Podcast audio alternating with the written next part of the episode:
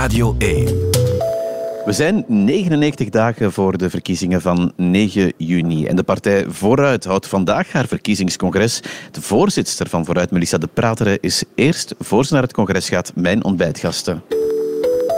Goedemorgen, mevrouw De Prateren. Uh, inderdaad, uw verkiezingscongres. Het is wel nog uh, ja, ruim 100 dagen voor de verkiezingen. U bent er wel vroeg bij? We zijn er vroeg bij, ja, absoluut.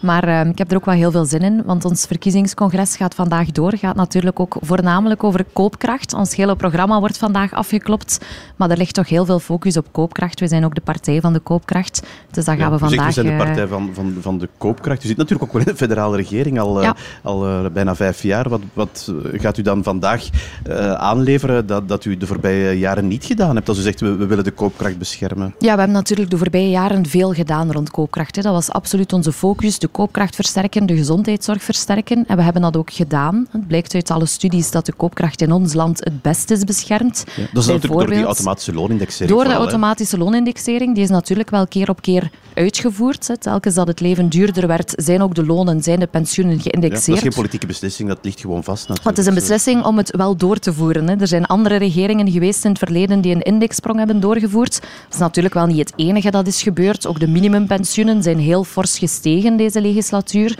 tot uh, ver boven de 1500 euro netto. De minimumlonen zijn verhoogd. De BTW op energie is van 21 naar 6 procent geweest. De gezondheidszorg um, is veel betaalbaarder geworden.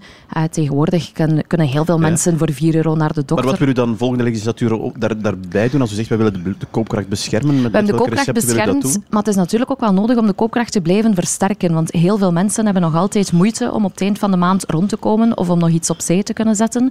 Dus dat blijft gewoon een, een werk dat je altijd moet doen. En um, wat wij willen doen, is uiteraard die lonen verder versterken. Als we vandaag zien dat mensen veel te veel belasting betalen op werk en dat er tegelijk weinig belastingen betaald worden op vermogen, dan ligt daar natuurlijk nog een heel grote taak voor ons om ervoor te zorgen dat het verschil tussen werken en niet werken maar dat lag toch wordt. op de tafel? Dat was toch die fiscale hervorming van minister Van Peetgen? Want dit, dit is precies wat, wat, wat, daar de rode draad in is. Dat lag inderdaad al uh, eerder op tafel. Maar goed, dan hebben de liberalen op dat moment ervoor gekozen om dat te blokkeren en om ervoor te zorgen dat mensen die honderden euro's koopkracht niet gekregen hebben. Dus voor ons komt dat sowieso terug. Maar er zijn ook andere dingen die wij kunnen doen, die trouwens eh, helemaal niks kosten aan onze begroting, maar die voor ons wel ook echt essentieel zijn om die koopkracht van mensen verder te beschermen. En dan gaat het eigenlijk over het breken van de marktmacht van veel grote bedrijven in ons land. Um, wij betalen in ons land... Welke grote bedrijven in ons land hebben veel marktmacht op dat vlak? Ja, bijvoorbeeld, zegt? wij betalen het meest in ons land van heel Europa als het gaat over telefonie. Wij betalen heel veel voor onze energie. Als het gaat over banken, ja. verzekeraars. Ja, maar u, u, haalt daar eh, telefonie aan, banken, Proximus, voor de helft in handen van de overheid. Belfius, helemaal in handen ja. van de overheid. Waarom gebeurt het niet op die manier als dat zo'n punt is? Ja, maar ook dat zal nodig zijn. Hè. Ook die bedrijven zullen natuurlijk hun marktmacht moeten uh, breken of we gaan dat moeten doen bij hen. En bijvoorbeeld de banken, om er maar eentje te noemen, dat is een hele discussie geweest het voorbije jaar, waarbij dan een aantal partijen, zoals de partij um, van Alexia Bertrand, de Open VLD, ervoor gekozen heeft om in gesprek te gaan met die grote spelers, om te proberen afspraken met hen te maken. Ja, je kunt alleen maar vaststellen dat bijvoorbeeld ons spaargeld nog altijd amper iets opbrengt en dat dat helemaal niet ja. werkt. Maar nog eens die vraag, Belfius is een volledige bank in handen ja. van, van de overheid. Waar, waarom doet u dat niet zelf of laat u die bank dan niet doen als dat zo Dat is natuurlijk al een jaar lang ons voorstel geweest. Zorg ervoor dat bij de banken, zeker ook bij Belfius als soort van voorbeeldfunctie, maar eigenlijk bij alle banken, dat het verplicht wordt om die minimumrente te laten stijgen. Dat spaarders ook hun fair deel, deel ja. krijgen van hun spaargeld. En zeker, dat vind ik wel belangrijk, op het moment dat die grootbanken in ons land 8 tot 12 miljard euro winst hebben gemaakt vorig jaar. Voor ons is maar normaal dat mensen daar ook hun deel van krijgen. En dus de koopkracht beschermen, dat kan je ook op die manier Ja. doen. Is het beschermen van koopkracht niet het makkelijkste doen, het meest logisch doen, door mensen ervoor te zorgen dat ze een job hebben en Absoluut. dat het groot aantal inactieven dat er toch nog altijd is, dat daar iets aan verandert en dat er hervormingen komen? Absoluut, dat zal ook nodig zijn. Ja. Als gaat... is, is uw zusterpartij degene die daar vaak op de rem gaat staan, de PS? Er zijn ook wel een aantal stappen gezet met de PS. Bijvoorbeeld om langdurig, zieken, om langdurig zieken terug aan het werk te helpen, vind ik dat absoluut geen kleine stap. Daar is een grote hervorming gebeurd onder Frank van den Broeke, die er wel voor zorgt dat mensen die kunnen en willen werken, maar eigenlijk een lange periode oud zijn geweest, dat die terug aan de slag kunnen gaan. En dat loopt nog maar heel recent en toch zijn er 80.000 mensen die in een maar traject zitten. er zijn veel meer hervormingen nodig is. Ja, natuurlijk. natuurlijk. Ja, er zijn absoluut de, de, overtuiging van uw zusterpartij? Ja, ik ben de woordvoerder van Paul Magnet niet, dus dat kan ik moeilijk zeggen. Bent u maar, deelbaar? Gaat, gaat, u samen in de regering of niet? Of, of heeft dat er niks mee te maken?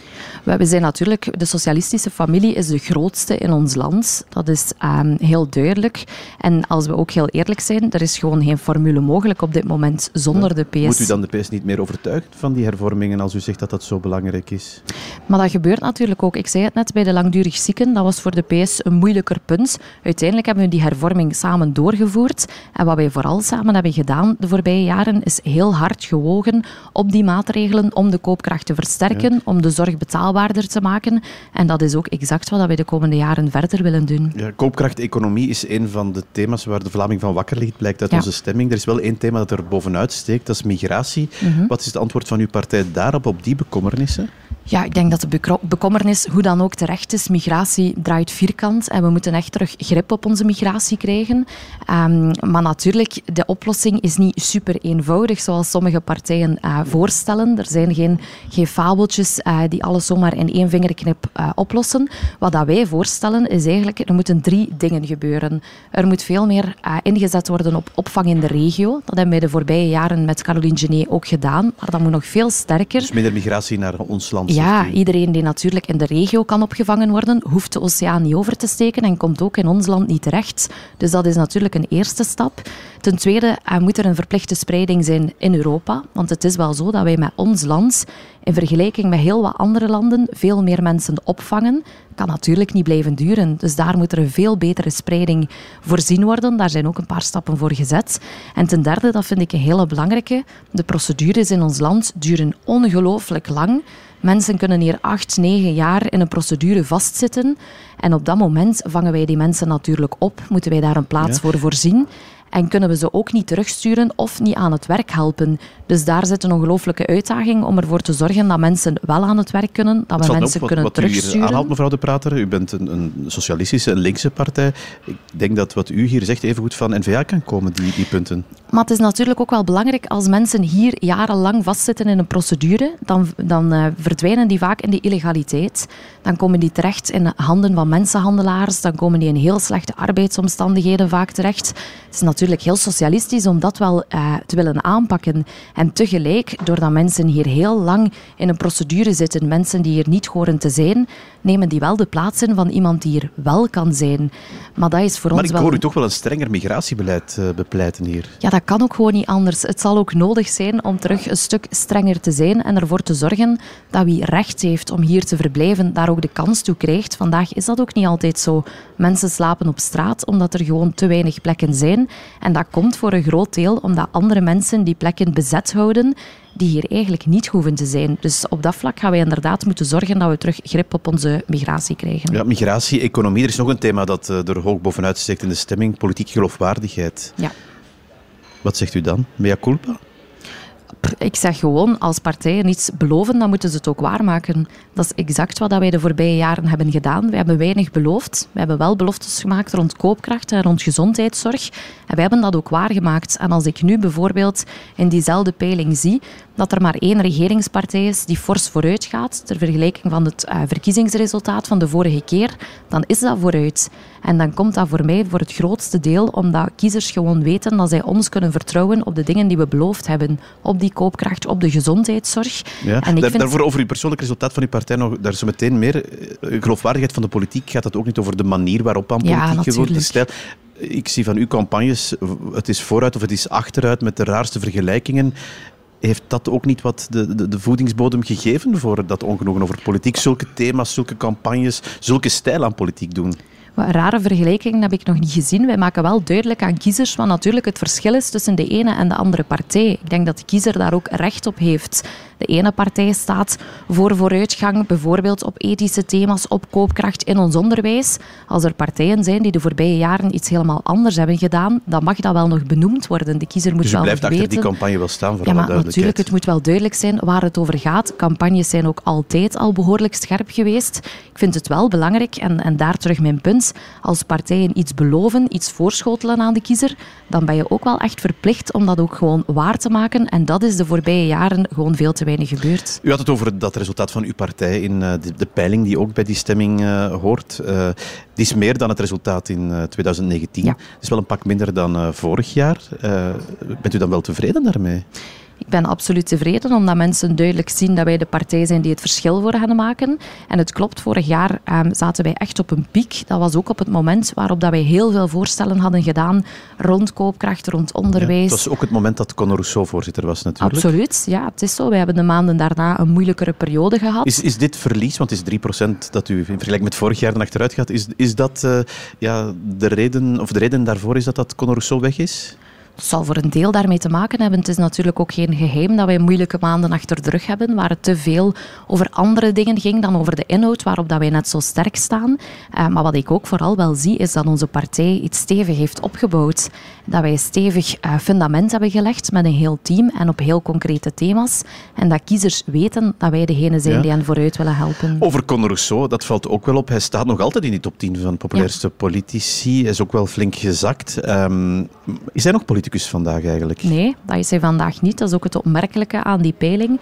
Hij is al eh, maandenlang uit beeld, doet al maandenlang niet aan politiek, maar ik stel ook vast dat hij nog steeds in die top 5 staat. Heeft uw partij hem nodig? We kunnen het ook zonder Conor Rousseau, daar ben ik absoluut van overtuigd. We hebben echt iets sterk neergezet de voorbije jaren. Uh, dus ik maak me daar niet veel zorgen in. Integendeel, uh, als mensen wakker liggen van hun koopkracht, dan weten ze natuurlijk dat ze bij ons moeten zijn. Dus u zegt, wij kunnen naar die verkiezingen gaan zonder Conor Rousseau als lijstduwer in Oost-Vlaanderen, want dat is de plek die voor hem is ja. voorbehouden. Dat gaat kunnen? Dat kan, absoluut. En daar kan. maakt u zich klaar voor, heb ik de indruk ook. maar het kan ook dat hij wel terugkomt. De keuze is helemaal nog niet gemaakt. Um, ik heb het eerder gezegd, de leden in Oost-Vlaanderen hebben gevraagd om die plek voor Conor vrij te houden, de duwersplek. Dat is ook nog iets anders dan de lijst trekken. Um, en ik heb hem toen gezegd dat hij tot 13 april de tijd heeft. Op het moment uh, dat de lijsten moeten worden ingediend op 13 april, moet hij natuurlijk wel zijn keuze hebben gemaakt. Maar daar zijn nog een paar weken voor en we zullen wel zien. Maar met of zonder Conor, ik heb er heel veel vertrouwen Hebt in. Hebt u hem nog gehoord in die tussenperiode? Ja, tuurlijk. Ik hoor hem geregeld eens. Uh, ik contacteer hem vaak uh, zelf om te vragen hoe het met hem gaat. Dus, het gaat, en wat is uw aanvoelen? Want dat is natuurlijk wel de vraag, gaat, gaat hij kandidaat zijn of niet? Is dat niet heel vervelend voor u dat u dat eigenlijk niet weet? Ik vind dat niet vervelend, omdat ik een paar weken terug of een paar maanden terug tegen hem heb gezegd dat hij zijn tijd moet nemen om te bekomen van alles wat is gebeurd het voorbije jaar. En dat hij natuurlijk ook heel goed moet nadenken of hij wel of niet terug aan politiek wil doen. Er staat ongelooflijk veel op het spel dit jaar. En als u terug in die politieke strijd gooit, dan is dat natuurlijk met de volle overtuiging en met de volle energie om er terug jarenlang tegenaan te gaan. En we zullen wel zien wat, u, wat zijn keuze wordt de komende weken. Ja, maar is er vandaag niet bij, begrijp ik, op nee. het congres. Uh, is Ginny Beels en Tom Eems erbij vandaag? Wel, onze kopstukken zullen aanwezig zijn. Um, ik weet niet exact wie allemaal uh, vanuit op welk moment. Maar het is uh, inderdaad de bedoeling om ons congres te organiseren ja. met onze kopstukken Want vandaag. Want ik kan me inbeelden dat dat voor u ook vervelend is, die situatie in Antwerpen. Die, ja, ruzie is het bijna tussen uw maar kopstukken. Fijn is dat natuurlijk niet. Um, maar het is wel zo dat wij daar samen hebben gezeten met onze mensen uit de afdeling van Antwerpen. En dat iedereen daar eens goed heeft kunnen zeggen wat er op de lever ja. ligt. Maar en daarna is er nog veel gezegd. Ik zag Ginny Deze week bij Pieter Jan in Ter Zaken zeggen, ja, er moet wel verontschuldiging komen van Tom Meeuws. Uh, bent u daarmee eens? Moeten die verontschuldigingen er ook echt komen nog? Ja, Tom heeft zich al verontschuldigd, ook tegen ons, voor hetgeen dat, dat is gezegd. Maar wat ik Ginny vooral heb horen zeggen is, ja, ook zij heeft die uitspraken veroordeeld en heeft daar uh, iets over moeten zeggen. Ik snap dat ook in haar plaats. Maar wat voor mij als voorzitter het belangrijkste is, dat is dat de neuzen terug in dezelfde richting staan in de afdeling in Antwerpen. En dat Ginny daar terug vol aan de slag kan om die campagnes ja, tegemoet want ik, te gaan. Ik, ik hoor, lees ook wel dat uh, sommigen van uw kopstukken of van gewezen kopstukken ja, ook wel zeggen, moet zij de lijst nog wel trekken? Hè? Want ze trekt nu bij de Kamerlijst. Gaat ze dat blijven doen wat u betreft? Uiteraard gaat zij dat blijven doen. Dus dat ligt helemaal niet ter discussie? Dat ligt helemaal niet ter discussie. Die beslissing is ook al lang geleden genomen. En ik hoor daar eigenlijk ook weinig discussie over. Ginny is onze kopvrouw voor 9 juni. Zij zal de Kamerlijst trekken samen met Caroline Genier in de provincie Antwerpen. En dat zal absoluut niet veranderen. Ginny is de juiste vrouw op de juiste plek daarvoor. Tot slot, eh, de peiling eh, die we vandaag of gisteren zagen, eh, brengt een, een moeilijk politiek landschap aan de kaart voor na 9 juni. Er was de voorbije dagen ook veel te doen over Vivaldi, die coalitie waar u federaal in zit. kan die verder gezet worden of niet? Dat bewuste VOCA-debat, dat Bruno de Bak daar namens jullie ook rood stemde. Dat wil zeggen, wij willen dat niet verder zetten. Hoe kijkt u daarnaar? Wilt u die coalitie verder zetten of niet? Voor mij doet het er eigenlijk minder toe wie met wie. Ik ben vooral benieuwd naar wat we dan gaan doen. Ik heb een keer uitgehaald naar Open VLD en zo, dus het, zal toch wel een rol spelen. Wel, wat er natuurlijk geweest is met Vivaldi, dat is veel gedoe geweest de voorbije jaren. Daar moeten we niet flauw over doen, met zeven partijen bij elkaar. Het was vaak veel gedoe. Vivaldi heeft ook wel veel gedaan. We hadden het daarnet erover, de koopkracht is het beste beschermd. Er zijn ook wel andere hervormingen gebeurd onder Vivaldi. Maar ik vind absoluut dat de volgende regering veel meer ambitie moet hebben. Dus wie met wie dat dan wordt, dat doet er voor mij minder maar kan dat met een samenstelling als deze? U, u hebt daar nu uh, vijf jaar ervaring met uw partij. Kan dat met een samenstelling als deze? Want Bruno Tobak stemde nee, hij wil dat niet verder zetten. Evident was dat niet. Daar moet ik niet flauw over doen. Het is echt wel niet gemakkelijk om met zoveel verschillende partijen in de regering te zitten. Wij hebben ons vooral gefocust op ons eigen thema's en daar wel heel veel kunnen doen. Maar het is niet evident in een samenstelling met zeven. Dus ik hoop oprecht dat dat met veel minder partijen kan. Maar als je vandaag die peiling ziet, dan ziet dat er natuurlijk niet rooskleurig uh, uit. En dat komt voor een groot stuk omdat de extremen in ons land aan het stijgen zijn. En dat is natuurlijk, dat maakt het alleen maar moeilijker als we er uh, in een volgende regering voor willen zorgen dat mensen erop vooruit gaan. Die extremen bevinden zich langs beide zijden. Ja. Want ook PvdA, PTB uh, scoort heel ja. sterk. Is uh, als laatste vraag besturen met PvdA voor u een optie of sluiten die ook helemaal uit? Ik vind het uh, raar dat je de vraag stelt, want het is nog niet zo lang geleden dat Peter Mertens ook bij u aan de ontbijttafel zat. En ik heb hem heel duidelijk horen zeggen dat hun ambitie is om 10% te halen, dat dat voor hen een heel grote overwinning zou zijn en dat zij dan voor de oppositie kiezen. Maar dat is dus... PvdA, een standpunt. Uw standpunt als voorzitter van Vooruit. Zou u ooit het overwegen om een coalitie te vormen met PvdA? Dat zal heel moeilijk zijn, want zij sluiten zichzelf ten eerste al uit. En ten tweede, PvdA is ook niet altijd zo helder. Um, als het bijvoorbeeld gaat over de koopkracht, die voor ons het allerbelangrijkste dus thema is. Ja, het is eigenlijk nee op dit moment, maar ze zeggen zelf nee en ze staan ook niet altijd voor hetgeen wat dat ze uh, zeggen. Oké, u uh, gaat zich begeven denk ik naar uw verkiezingscongres, want dat begint uh, dus zometeen. In elk geval hartelijk dank om ervoor nog even bij ons te zijn, mevrouw de Prater. Dankjewel.